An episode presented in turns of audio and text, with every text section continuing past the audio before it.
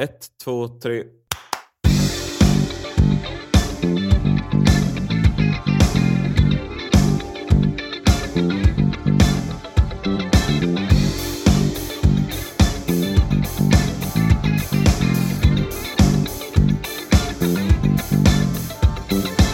Nej men eh, hej Jaha, Isak! jag, har glömt stänga av mina hörlurar, så nu hör jag poddens intro här. Hej Isak. Har du poddens intro? Ja, jag hade glömt stänga av eh, effekterna. Jag har ju gjort en liten, eh, en liten template här eh, i mitt. Så att jag, Ah, okej. jag har ju redan allt förberett med ljudeffekter och eh, med låten och så vidare. Smart, det borde jag också göra.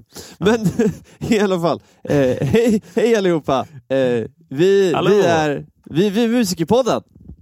Ja, det är vi. Uh-huh. Vi, vi är en podd där vi, eh, vad ska vi säga, vi pratar om musik i alla dess former. Vi pratar om hur en kan bli bättre som musiker och så här, allt det här roliga grejerna en kan bli lite bättre på och ta över världen. Ja, exakt. Alla de här sakerna som man behöver veta för att egentligen klara sig där ute på vägen. Mm. Eh, och eh, förhoppningsvis göra det lite lättare för en att eh, ta sig till sina mål. Exakt. Det är det vi, vi vill hjälpa er att ta emot era mål, för det är väldigt kul. Och därför har vi en episod idag också. Ja, det har vi. Eh, det, är ju, det här blir första avsnittet för 2023. Yeah! Shit, nytt år. Ja, Galet. nytt år. Andra året som Musikerpodden. Andra året av Musikerpodden och nu har vi också kommit av vår julledighet Precis. eh, tidsmässigt. Så då tänker vi att vi kör lite sån här, vi börjar från början-grej. För det, vi förra året så pratade vi väldigt mycket om, vi pratade om olika instrument och vi pratade om scenspråk och vi pratade om att vara på turné och att repa och sådär. Men det finns ett område i musik som är så basalt att folk ibland glömmer att det är ett helt eget område. Mm. Vad är det jag tänker på, Zack? Du tänker på låtskrivning. Vad är låtskrivning? Vad är songwriting för något? Ja, och det, det är väl det vi ska försöka bryta ner. Men man kan ju tänka sig att, att låtskrivning det är liksom en hel sak i sig. Ja, men det är väl bara att man skriver en låt. Nej, men vi har ju massor med olika eh, delar innan som, som byggstenar för att komma till en färdig låt. Ja. Jag och Isak gillar liksom att sära lite på det här för att där har vi liksom, de två stora klossarna kan man säga är ju då musiken och texten. Ja, exakt. Det, det, det är en väldigt bra början att tänka på. Musiken, eh, det är ju inte texten såklart. Det är det som låter som ljud. Oftast melodiskt, ibland inte melodiskt.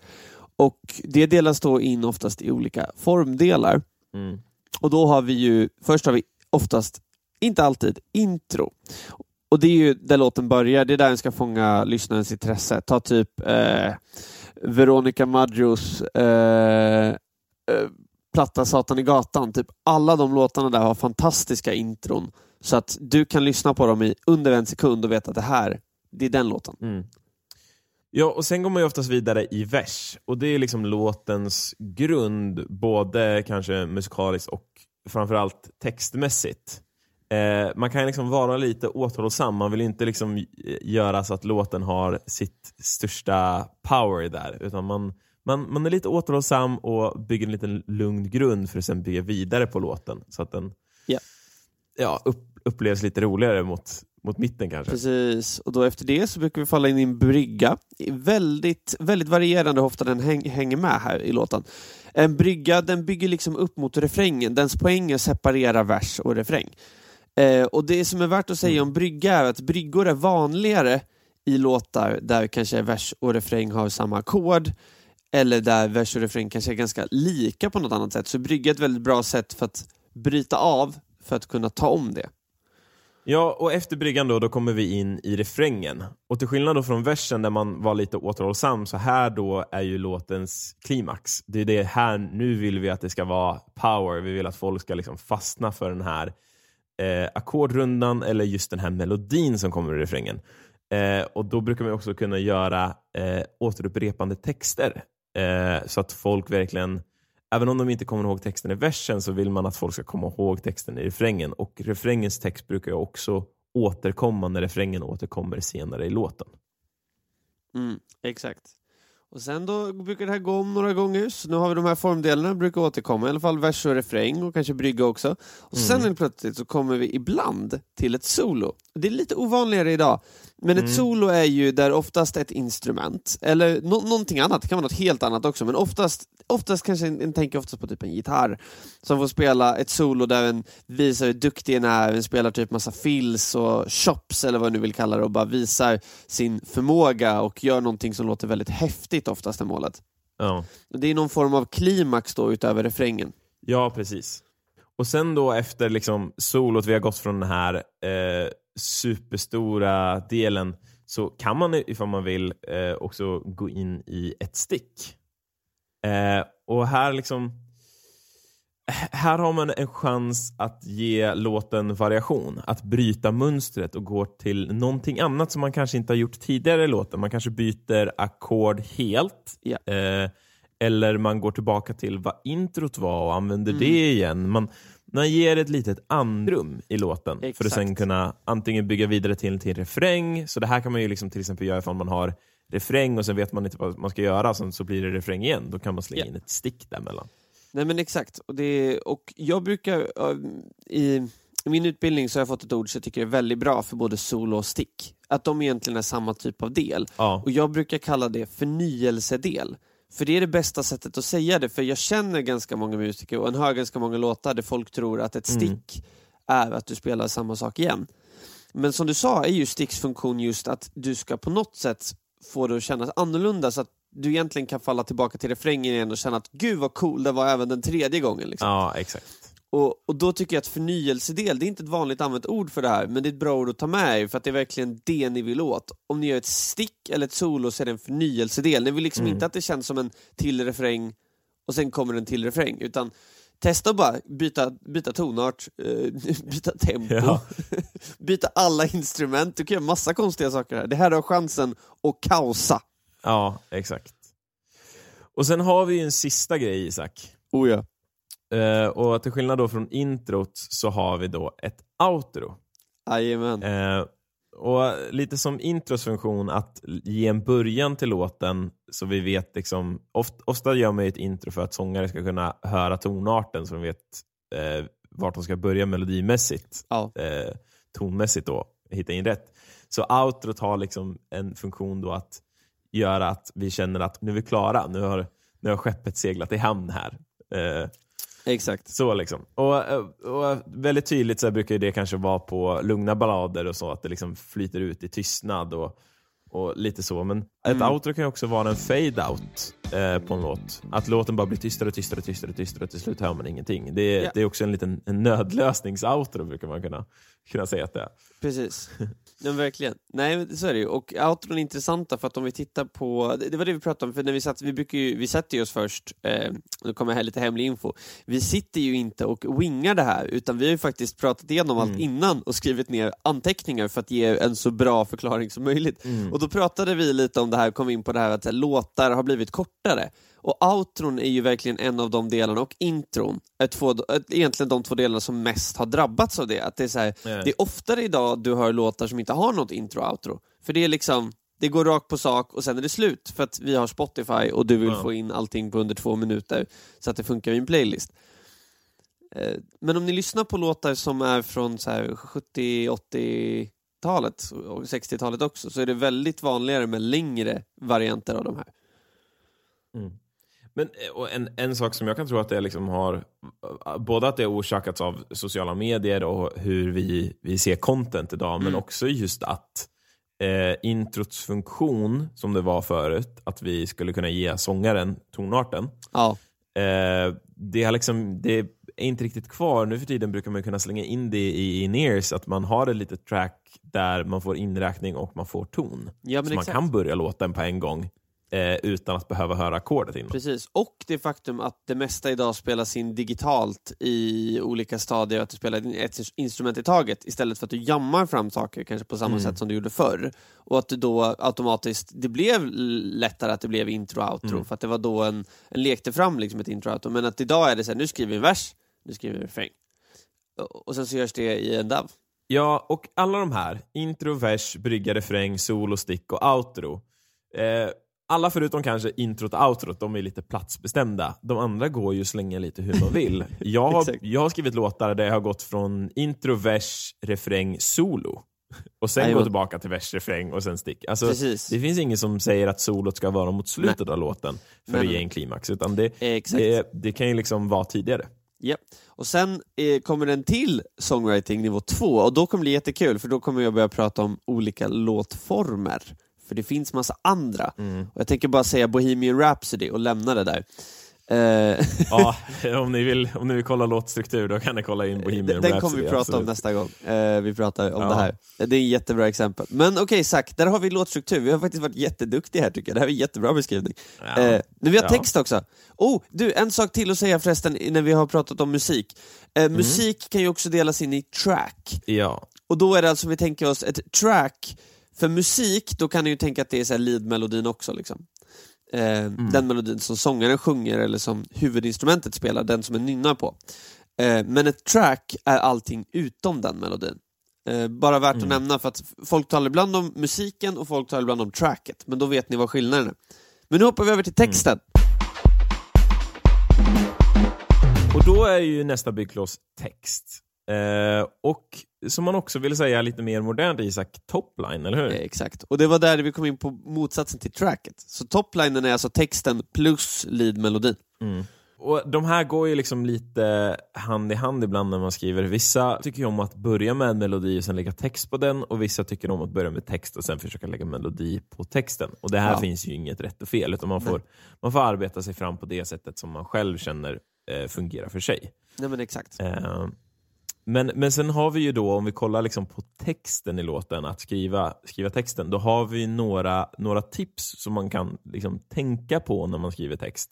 Mm. Som gör oftast att texterna upplevs lite mer, ehm, ja vad ska man säga, Eh, bättre är inte ett rätt ord, eh, men lite mer arbetade med, så kan man väl säga. Mm, men lite mer tyngd, skulle jag kunna säga. Ja, Att det finns mycket, det, det är inte bara att säga saker, utan mycket av hur vi pratar är ju hur vi säger saker. Ja. Eh, och här då, till exempel om vi går in på vår första punkt som jag och Isak har nämnt här, det är att, när man skriver text så brukar man oftast förhålla sig till rim. Mhm. Eh, att man väljer att, okej, här ska vi rimma och sen kanske i vissa punkter inte rimma Exakt. eh, i låttexter. Och det kan ju vara för att om man har en låttext så eh, det bygger på, lite på samma struktur som att man gör en dikt. Eh, att rim har ett ganska bekvämt flöde för lyssnaren. Eh, det, det landar ganska, ganska bekvämt för örat att höra ett rim. Eh, och sen om man kanske bryter mot det, då kanske man gör det på, på ett, ett, ett ord eller mening som man vill ha ganska mycket fokus på. Och då, då sticker det ut. Då blir det en, en grej som händer textmässigt som är väldigt coolt. Exakt. Men det är ju det, rim är ju, det finns ju sofister kan rimma AB, AB, alltså rimma första raden rimmar med tredje raden och Mm. andra raden rimmar med fjärde raden och sen kan du rimma AX, AX, alltså att första och andra raden rimmar och tredje, vad blir det? Den första och tredje raden rimmar och andra och fjärde rimmar inte. Det Ja, finns och sen kan man också bestämma, är det, är det frontrim eller, eller backrim? Alltså då menar jag att rimmar man med första orden Ja, i, i meningen eller rimmar man med sista ordet i meningen? Precis. Eller rimmar du internt inom rader? Om man tittar på rap så kan den se Ja. väldigt, mycket, väldigt mycket snygga grejer som görs inom rader också. Det här går att nörda ner sig i, det, Mm. finns, det här kommer vi behöva gå djupare i. Men där har ni en grund i alla fall, Ja. så att ni kan börja tänka på hur rimmar egentligen texterna jag gillar? Ja, exakt. Liksom börja lyssna, ta era favoritartister, eh, gå in och googla. Vad, vad är texten för den här låten och se vart har de Ja. placerat rimmen. Exakt, läs den. Utan text, utan Mm. liksom, musiken och bara läs och se vad, hur den känns. Och sen då, om vi går vidare där, så är det här med att prata om text då ju, så kan ju, texter kan ju vara orden i fokus, Mm. eller ljuden i fokus. Mm. Och med det menar jag att orden i fokus, det är när vi har väldigt så här, texttunga låtar. Exempelvis Bob Dylan är ju en sån där artist. Det är väldigt långa texter ofta kan det vara. Och det är väldigt mycket information och det handlar väldigt mycket om vad som sägs. Mm. Och sen finns det, men grejen är att all information och all liksom, känsla av ord ligger ju inte i deras betydelse. En stol är ju en stol, det vet alla, men stol låter också på ett visst sätt. Det låter annorlunda än bord, men det påminner lite om bord ljudmässigt. Medan sax är ett väldigt annorlunda ord ljudmässigt. och där finns det att den kan jobba med alltså, ordens fonem, alltså ljuden som de olika bokstäverna gör. Och då har vi ju väldigt mycket, men, typ dansmusik, det finns ju den här eh, låten Blue som jag tror precis har gjorts om en ny version av, som egentligen är från Eiffel 65 och Gabri Pont, eh, tror jag, eh, originalet är. Så den är från 1999 från början, men ni vet vilken jag menar.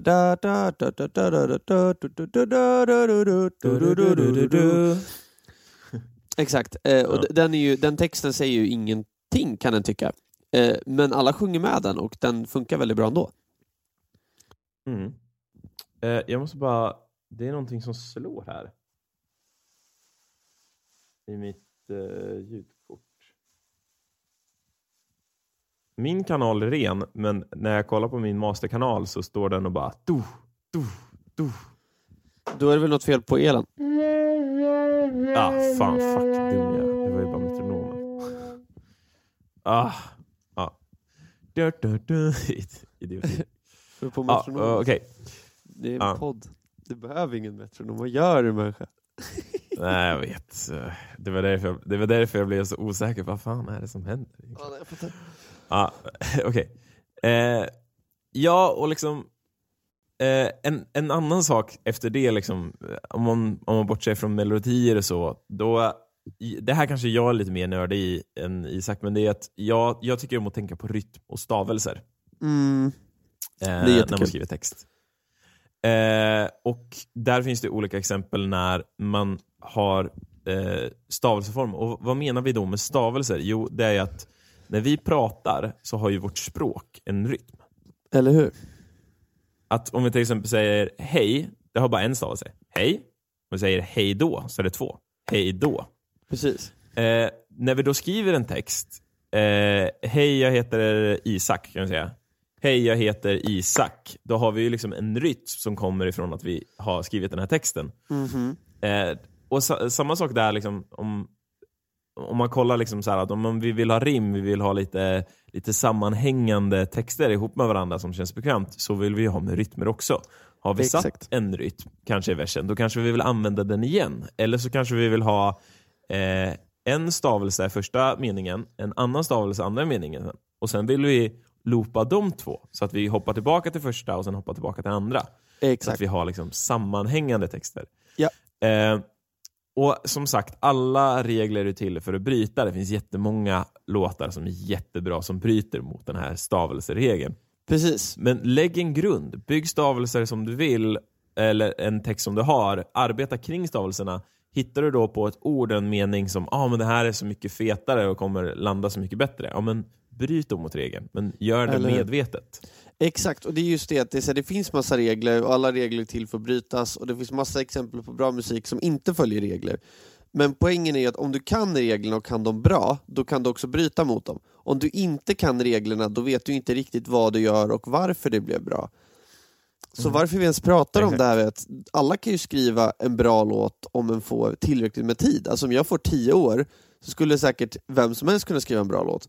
Men poängen är ju att Mm. lära sig att kunna förstå hur den skriver en bra låt fler gånger. Ja.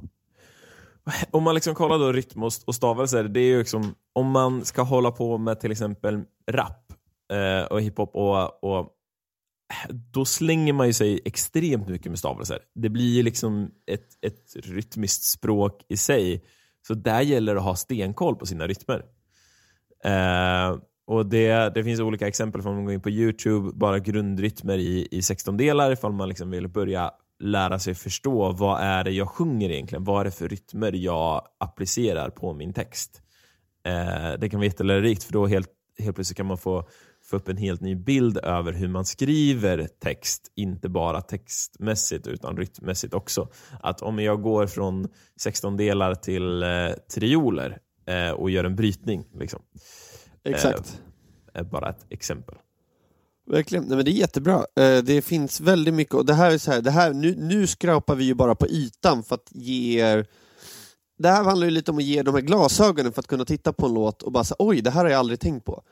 Eh, Mm. och sen kommer vi gå in djupare och djupare på alla delar, som vi alltid säger, och det kommer vara samma sak med det här, att det här låter som att det är mycket information, och det är det.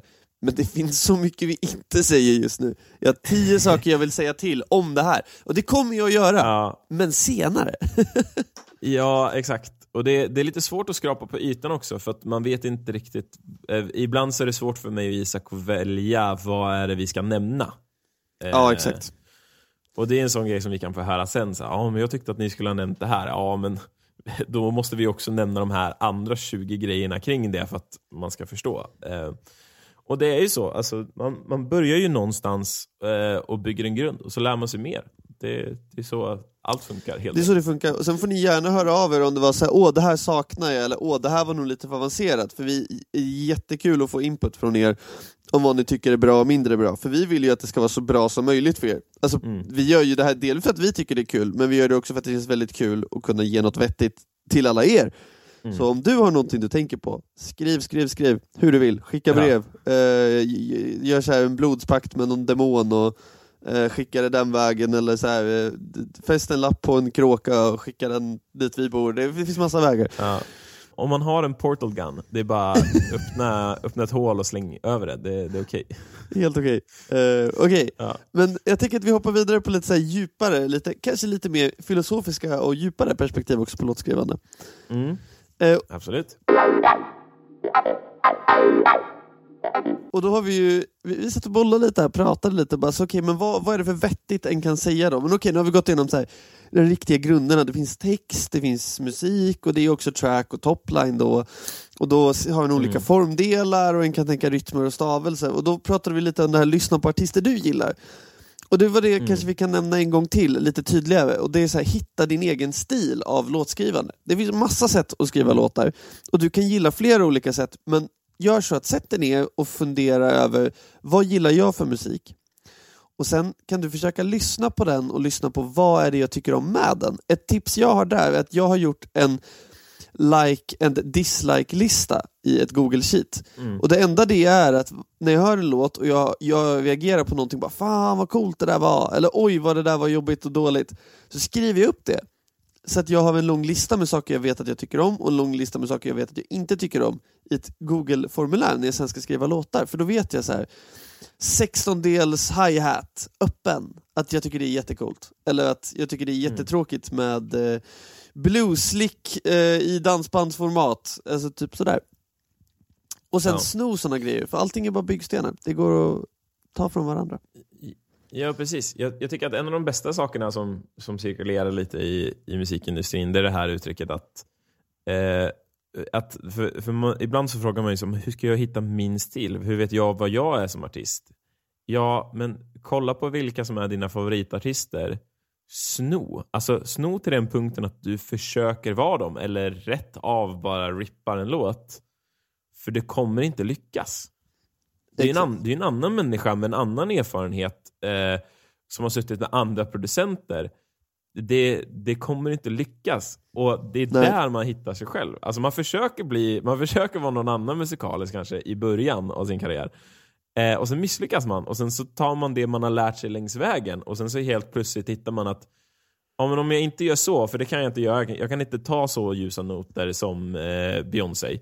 Men jag kan göra så här istället. Och det är där man hittar sin musikaliska liksom, kurva, eller vad, vad man nu Mm. vill kalla det. Ja, verkligen. Eh, och, och Det är så jag, jag har gjort. Jag ville börja som, och spela kanske som eh, Taylor Hawkins i Foo Fighters. Eh, och det gör jag lite, men inte alls som trummis idag. Jag skulle inte Nej. påstå att jag är en Taylor Hawkins replika överhuvudtaget. Nej. eh, så. Men absolut, och då kommer vi vidare också på det där, okej men och då är det så här, du kan ta inspiration från andra och sen någonting som oftast går att hitta är att hitta någon som kan vara ett bollplank. Alltså hitta någon som man kan antingen skriva tillsammans med eller skicka grejer till och få input. För att det, om man tänker så här, om jag har en idé så ser jag fem vägar den idén skulle kunna ta.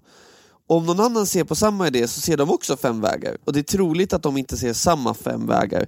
Vilket gör att om man Mm. jobbar med andra människor och hittar ett sätt där det känns bekvämt så kan den oftast komma fram till nya idéer, för en av de idéerna de får, som inte du får, leder ju sen till fem nya idéer för dig och nya idéer för dem. Och det gör att den får en mycket Mm. bredare möjlighet att skapa saker. Ja.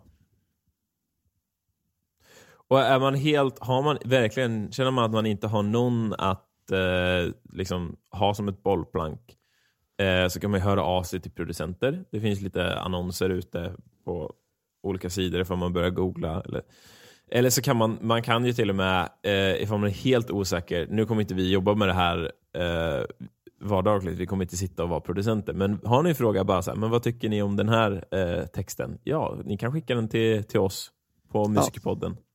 Det, det Eh, roliga är dock, så- lite note där, jag har ju faktiskt precis startat företag för att jobba som producent.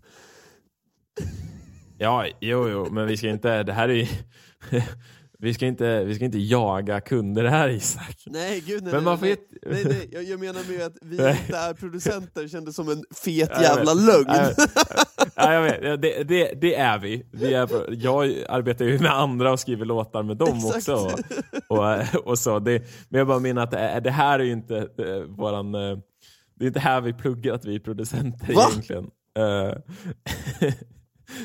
Jag vill inte vara med längre. eh, nej. Men man, kan, man får jättegärna höra av sig till oss, antingen på Ja. Instagram eh, eh, under eh, Musikpodden eller bara till vår mail, eh, musikpodden gmail.com, så, så svarar vi eh, och jättegärna hjälper till med ifall ni har någon fråga. Sen kommer inte vi bolla det här fram och tillbaka i, i 20 mail, men vi kan ge ett litet, ett litet mail med lite tips.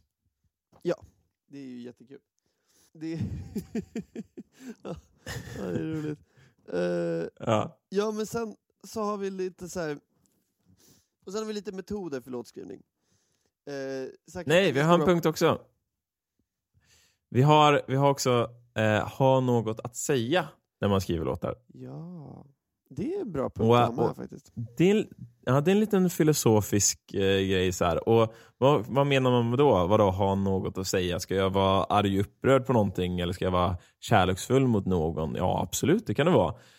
Men eh, en sak är också, lås inte in dig liksom, på ditt rum och försök skriva texter om hur det är att eh, vara arg och bitter på världen. Utan det kan man ju göra som bäst ifall man är ute och upplever världen. Att att, det eh, skit menar du eller? Vad sa du? Att världen Nej men, nej men, nej men liksom jag uppmuntrar mer till att eh, besöka platser, träffa folk, lyssna på deras historier, Ja. ta intryck från världen. För att jo, eh, Google och Youtube är bra men det är kanske inte är de bästa intrycken man vill hitta jämt. Jättebra, jättebra. Och sen också finns det en sak jag kan tillägga där som jag har hört ehm, för något år sedan som jag tycker är jätteviktig. Det är en väldigt stor skillnad mellan personlig och privat.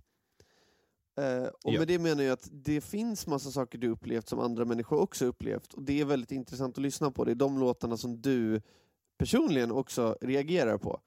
Men när det väl blir privat och blir saker som bara du upplever och som bara blir för dig, då blir det inte längre lika intressant. Och det gäller att hitta Ja. balansen mellan det där. Hur, hur uttrycker jag den här känslan på ett sätt som gör att andra kan känna den? Och det är ibland mycket mer så att säga så här, specifikt än vad man tänker. Eh, det, det Mm. finns ju massa exempel på det där, typ, eh, och du kan vända på ord och hålla på och få massa djupa betydelser, typ du är en ängel men dina händer. Ja. Eh, det, är in, det är fem ord, men det är väldigt mycket tyngd. Man kan ju också beskriva det så här. Man skulle kunna skriva en text som är eh, Gud vad jag är sårad av den här eh, tulpen från Storå vid namn Isak eh, som jag hatar så mycket. Eller så kan man formulera det som eh, Jag kände att eh, den här småstadspojken inte eh, eh, eller sårade mig, för då, då finns det fler människor som kan förhålla sig till ah, en småstadspojke. Och Ja. jag var, blev också sårad. Du, har inte liksom, du har inte bränt broar för att du har liksom hängt ut en person, utan försök bara försök liksom förhålla dig till he- Ja. helheten mer. Exakt. Och till känslor, det är också ett sånt där tips när vi är inne på något att säga. Att det går absolut att prata om miljöer och så här, men underskatta inte vikten av också det här med att känna känslor. För det är någonting alla människor gör. Och då menar jag alltså den Mm. fysiska känslan av känslor. Det Mm. bultar i bröstet. Eh, det snurrar i huvudet. Det är ju grejer som alla upplever oavsett vilka, vilken situation. så det är en solid sätt Ja. att komma runt det. Ja. Men super, bra Zack. Bra, bra att du tog upp den. Eh, ja tackar, tackar. tackar. men då, då har vi lite metoder för låtskrivning då, tänkte vi gå igenom. Ja. Eh, och då, då har vi ju, egentligen har vi pratat om mycket av det, liksom att så här, det finns olika former i en låt. Ett tips där är att så här, oj, jag vill skriva låtar som den här artisten där vi pratade om innan med att sno. Att det en kan göra då är att sätta sig och skriva upp vilken form den låten har och sen skriva en låt som har samma form. Att det finns, du kan lägga, Mm. som vi sa innan, du kan lägga vers, refräng, chorus, intro och outro på lite olika sätt. Och att göra det. Och sen så kan den testa då och se om den har en färdig text så kan den testa att försöka sjunga det som en melodi över ackord. Och då kanske Mm. den märker att oj, nu har jag inte, nu har jag inte lagt stavelserna rätt, för det är ganska vanligt att det blir fel på stavelserna och det är ju ett sånt ställe där Mm. det, det är någonting som känns fel. Då kan det ofta vara stavelser eller rim. Mm.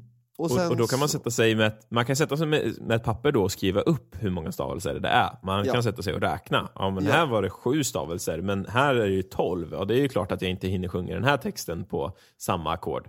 Ja, Eh, exakt. då får man liksom börja strukturera om eh, antingen eller för att få det att funka. Men då tänker jag att, vad säger du Zack om att vi ska gå igenom en liten så här tio-stegs-raket för att skriva en låt? Ja, men det tycker jag. Första steget är väl kanske att börja med att välja ett instrument. Eh, Mm. Utgå från liksom ett ackordinstrument är väl bäst, till exempel som piano eller gitarr. För Mm. där får du ju ett fullt ackord ifall det är dur eller moll. Eh, och, och börja lägga en grund där. Ja, men nu har jag tre, eller nu har jag fyra ackord. Eller till och med, jag har ett ackord. Det räcker. Du har en grund du kan börja bygga på. Ehm, så liksom börja med att välja ett ackordinstrument. Ja, jag nej, exakt. Nej, men det är en jättebra grund. Och då när du har ett ackordinstrument så är det ett perfekt läge att potentiellt testa lite ackord. Och då är det ju antingen kan du bara testa fritt lite ackord, eller så kan du använda musikteori. Jag tror inte vi har haft någon episod, det måste vi ha, om musikteori. Eh, Mm. Men tipset där är att lära dig en enda skala, och då är det lättaste kanske C-dur. Så på ett piano så är de vita tangenterna C-dur. Om du lär dig Mm. den skalan så kan du sen tänka om det på alla andra instrument. Så det är en väldigt bra grund. Mm. Och hitta då en Ja. ackordföljd du tycker om, och sen kan du försöka hitta en ackordföljd du tycker om, och du tänker okej, men då har vi en ackordföljd till refrängen kanske, och då behöver vi en ackordföljd till versen också. Så kan den testa. Mm. Ja, och sen då, nu sitter man med sin ackordföljd. Ja, då kan det vara, steg tre då kan vara att eh, skapa en melodi. Eh, liksom, försök då sitta och nynna fram en melodi eh, som, liksom, till ackorden som du, har, som du har slipat på. Eller ifall du har en melodi, försök applicera ackord på den melodin då. Eh, vi, man kan ju börja då kanske med, med grundton, att man tar en ton som matchar med tonen som man sjunger och sen kan man bygga ackordet efter det. kan vara Ja. ett litet tips till att göra det inte till ett alltför stort projekt på en gång. Det är jättebra idé. Ehm, ja, och sen börja kanske improvisera lite nonsens eh, på det här. Eh, alltså så här, jag har till exempel har skrivit jättemånga låtar som bara handlar om att jag kokar nudlar. Eh, för att jag eh, får av någon anledning får inspiration när jag lagar mat. Nu, jag lagar inte nudlar kanske hela tiden, men jag, min go-to är att jag lagar nudlar. Sen så går jag tillbaka eh, till studion, skriver låten som var den här nudellåten och sen så byter jag ut så att det inte alls handlar om nudlar överhuvudtaget längre.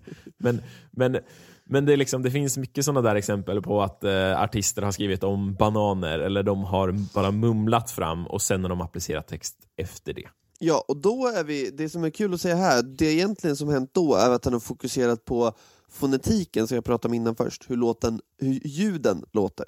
För att sen komma Mm. vidare till hur texten är. Och att det ligger en charm i det att vara ganska noga med också hur ljuden låter, för en kan skriva väldigt fin text, men om texten inte låter bra, oavsett hur fin den är, eh, så försvinner ju det musikaliska. Och det är det som kan vara klurigt. Det är därför stavelser och rim och allt sånt är väldigt viktigt. Och sen om vi ska nörda in det, kommer finnas, vi kommer prata om vokaler och hur vokaler påverkar ton och tonalitet sen. Det kommer bli jättekul. Mm. Men okej, då har vi skapat en melodi i alla fall och då kan den börja spela in idéer och vi har ju pratat lite om så här, inspelning nu. också. Eh, Så att ni har lite grundkoll på det. Och det kan ni då användas, antingen kan ni spela in i en DAV, eller så kan ni spela in i en mobil, eller så kan ni sitta och spela själv och bara låta någon annan lyssna.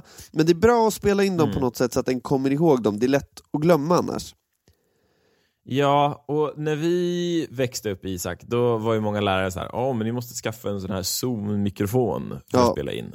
Eh, och Zoom är jättebra, jag klandrar inte på Zoom, men eh, nu för tiden så funkar ju mobilmikrofonerna, nu kommer jag få skit av någon säkert för jag säger så här, men de funkar tillräckligt bra för att spela in en liten demo ifall man har bara en, en grundidé för en låt. Jag tycker att vi ska få ännu mer skit, Zack. jag tycker inte det var tillräckligt mycket. Jag vet folk som har spelat in lead-vokalen på mobiltelefon där det låter bra, så att jag har Ja, jag har inga, inga bad feelings mot mobiltelefoner. Eh, använd dem jättemycket, men eh, ja.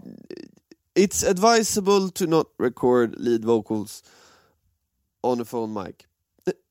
det kan funka, Nej, men i de flesta fall funkar det Eh, inte.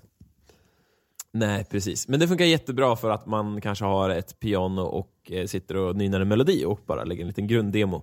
Japp. Det funkar jättebra. Eller att man har samlats i replokalen och eh, lägger en, eh, en liten filt eller lägger en tjocktröja över telefonen och sen spelar in eh, sitt rep allihopa. Det brukar Nej, också men- kunna vara en Exakt. klassiker. Och sen då Zack, när vi då spelat in eh, lite idéer, vad gör vi sen? Ja, sen är det ju dags då att börja skriva text. Finslipa texten till melodin du har skapat utifrån ackorden som du har lagt. Eh, och här då liksom, man kanske kan börja med att sjunga lite spontana texter som kommer till huvudet. Man sitter och, och nynnar på den här melodin och sen så kanske man slänger ut några få ord här och där. Eh, samla ihop de orden. Eh, bygg en liten tankekarta kring dem och se vad för tema det här har. Det kan vara, nu, nu är vi inne på, det finns inget rätt och fel här, utan vissa tycker ju om att sitta i, i, hemma på kammaren med ett tänt ljus och eh, lite bubbelvatten och eh, skriva texterna helt klart från början. Eh, och eh, vissa kanske mer behöver här lite sprötiga sättet att skriva låtar på. Jag, jag arbetar kanske mycket utifrån det eh, själv. Ehm, så liksom bara börja där, släng ut lite ord, gör en liten tankekarta. Liksom börja då finslipa på vad för ord finns det som matchar med de här orden som jag slängt ut. Börja skriva en text ifrån det. Mm. Exakt. Så det är ju det här, det går ju, det du var inne på lite där, att det här går ju också att ta först. Att det finns de som bara jobbar som topliners, som bara skriver texter och melodier. Och inte skriver låtar eller musik så att säga. Utan de håller sig bara till toplinen och inte till tracket. Så det finns flera olika vägar.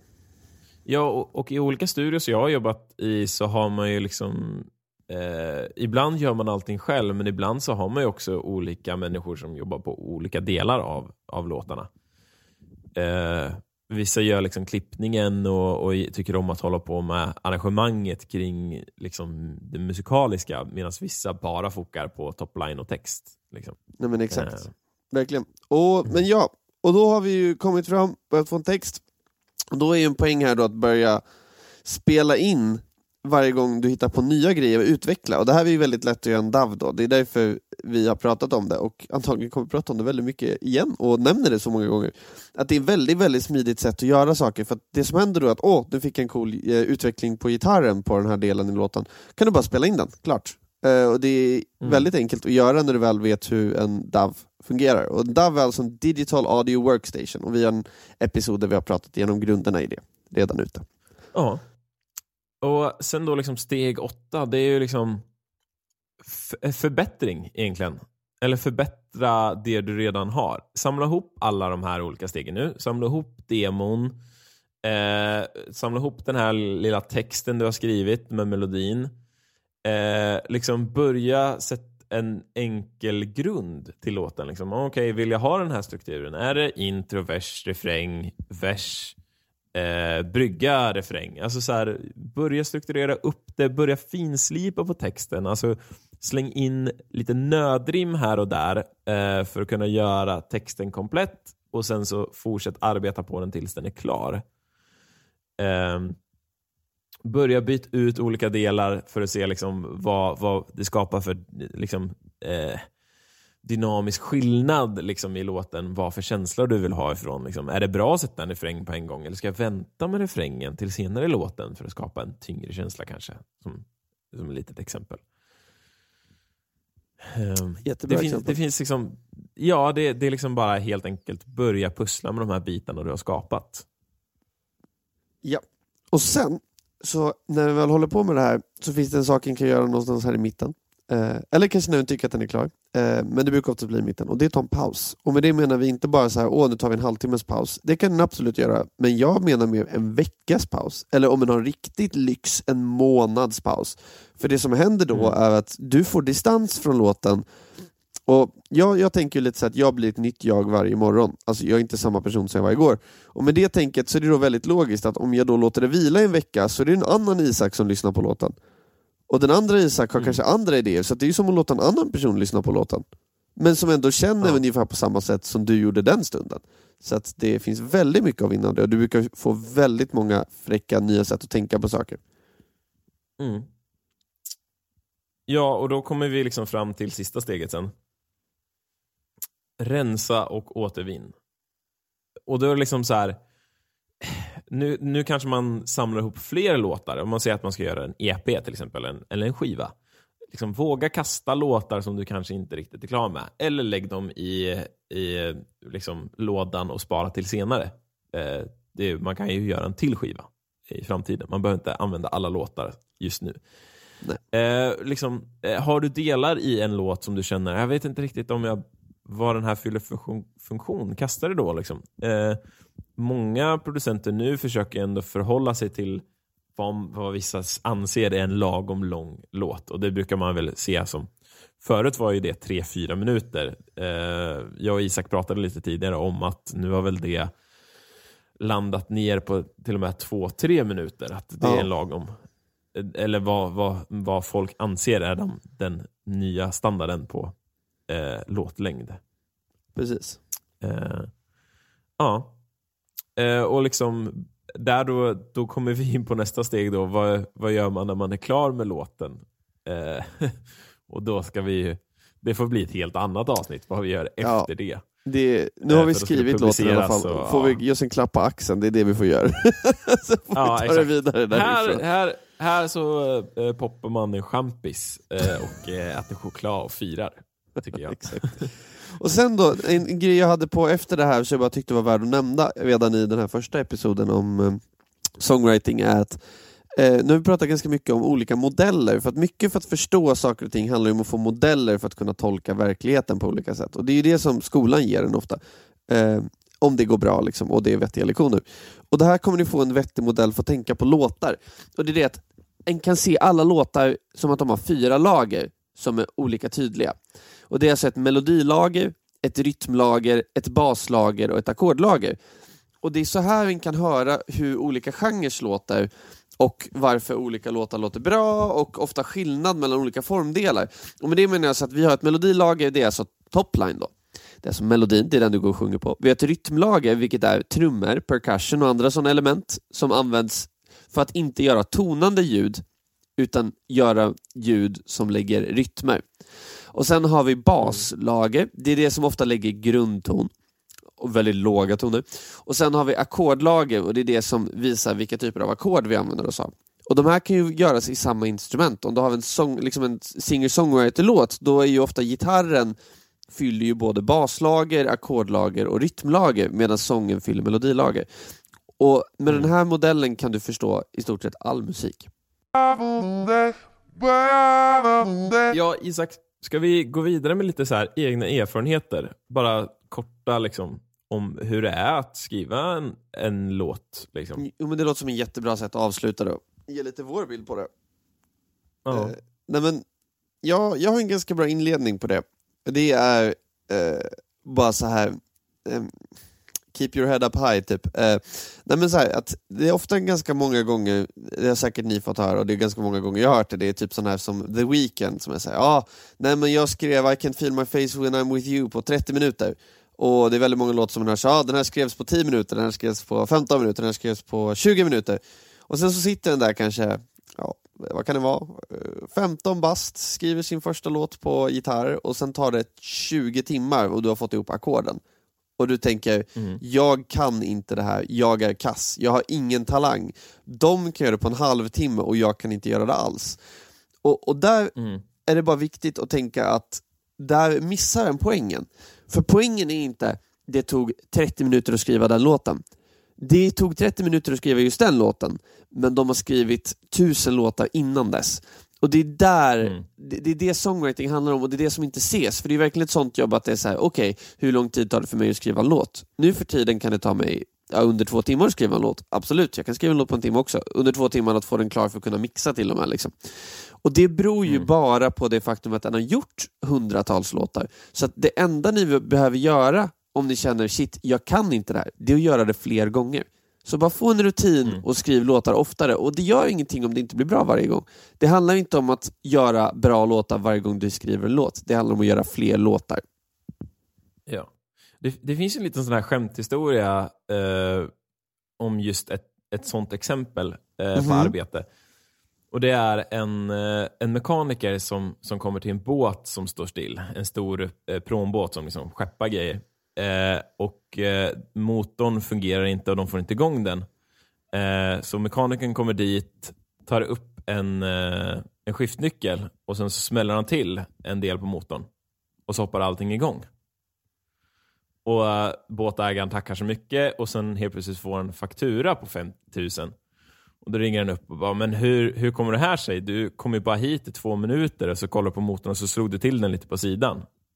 Och så svarar då mekanikern, ja men det var 5 5000 kostade slaget. Men resterande 45 000 är ju 20 år av erfarenhet för hur man vet vart man ska slå. Exakt. Precis, och det är Det det, är där eh, det, det sista slaget som eh, bryter stenblocket-tanken. Alltså det att det Ja. du ser är ju bara när det väl händer. Eh, och det är väldigt lätt att glömma att det var en lång process bakom. Och det är bara så här, och det här är för att ni inte ska ge upp på låtskrivande och känna att shit, jag kan inte göra som dem. För de kunde inte heller från början. Så det gör ingenting att det kanske är svårt just nu. Det blir bättre varje gång du gör det. Ja. Jättebra tips. Tack. Nej, jag vet inte. Jag, jag, jag har väl kanske lite annan bakgrund till liksom, eh, hur man började med att skriva en låt. Sådär. Jag jobbar nog liksom, ända upp liksom, till 20 års ålder. Liksom, eh, tills när jag gick i college. Då skrev jag ju liksom mest låtar med andra. Eller för andras skull. Eh, och gör väl fortfarande det mest idag också. Men det var inte förrän efter det som jag började skriva egna låtar eller tänka att jag kunde producera egna låtar. Eh, och jag tror det var ett sånt där, eh, när man har liksom pluggat mycket och man har eh, man har liksom bemästrat ett instrument, eller vad man ska säga. Eh, att liksom börja ta ett steg bak och kolla på vad är det för kunskap jag har egentligen och vad var det jag liksom grundade min musikaliska resa genom. För då, jag, jag, jag liksom fick en, en, en stund när jag var så här, men kan jag skriva låtar ens? Och sen så bara, vad var, det, vad var det jag lyssnade på när jag var liten? Jo men det var The Clash och Ramones. Ja men Ramones har ju verkligen inte svåra, de har tre ackord och sen en melodi som går genom hela låten. Det kan jag också göra. Liksom. Och, och eh, liksom, man ska, inte, man ska inte vara övermodig och tänka och så kan jag också göra kring allt, men ibland kan det vara skönt att ta ett steg bakåt och tänka men det där kan jag ju faktiskt göra, men tänk det bara inte, utan gör det då också. Börja med att skriva sådana låtar och sen arbeta dig utifrån det och bli, bli bättre. Kom på nya låtstrukturer. Försök utmana dig att skriva låtar som är skrivna av ännu bättre låtskrivare. Liksom. Det Pusha gränser helt enkelt. Ja, verkligen. Ja, men du Zack. Ska vi säga att det är så här vi inledde det här året? Ja. Jag tror det. Bra Ja. jobbat. Kul att vara igång, kul att se dig igen. Ja, kul, kul, att vara- kul att vara på säsong två. Ja, ska vi köra det som säsong två då? Vi Ja. kan ju göra det på Acast, vi får göra det nu då. Det är då man vet att det är en bra Netflix-serie, att de har tagit sig till säsong två. Eller hur? Det, Ja. Säsong tre är ju utslagsfrågan dock. Ja, exakt. Då kan det bara vara, då kan de bara ha lagt en budget för att avsluta allting. också. Ja, exakt. Ja. ja, nej, nu får det vara nog Isak. Nu, nu är vi klara med det här.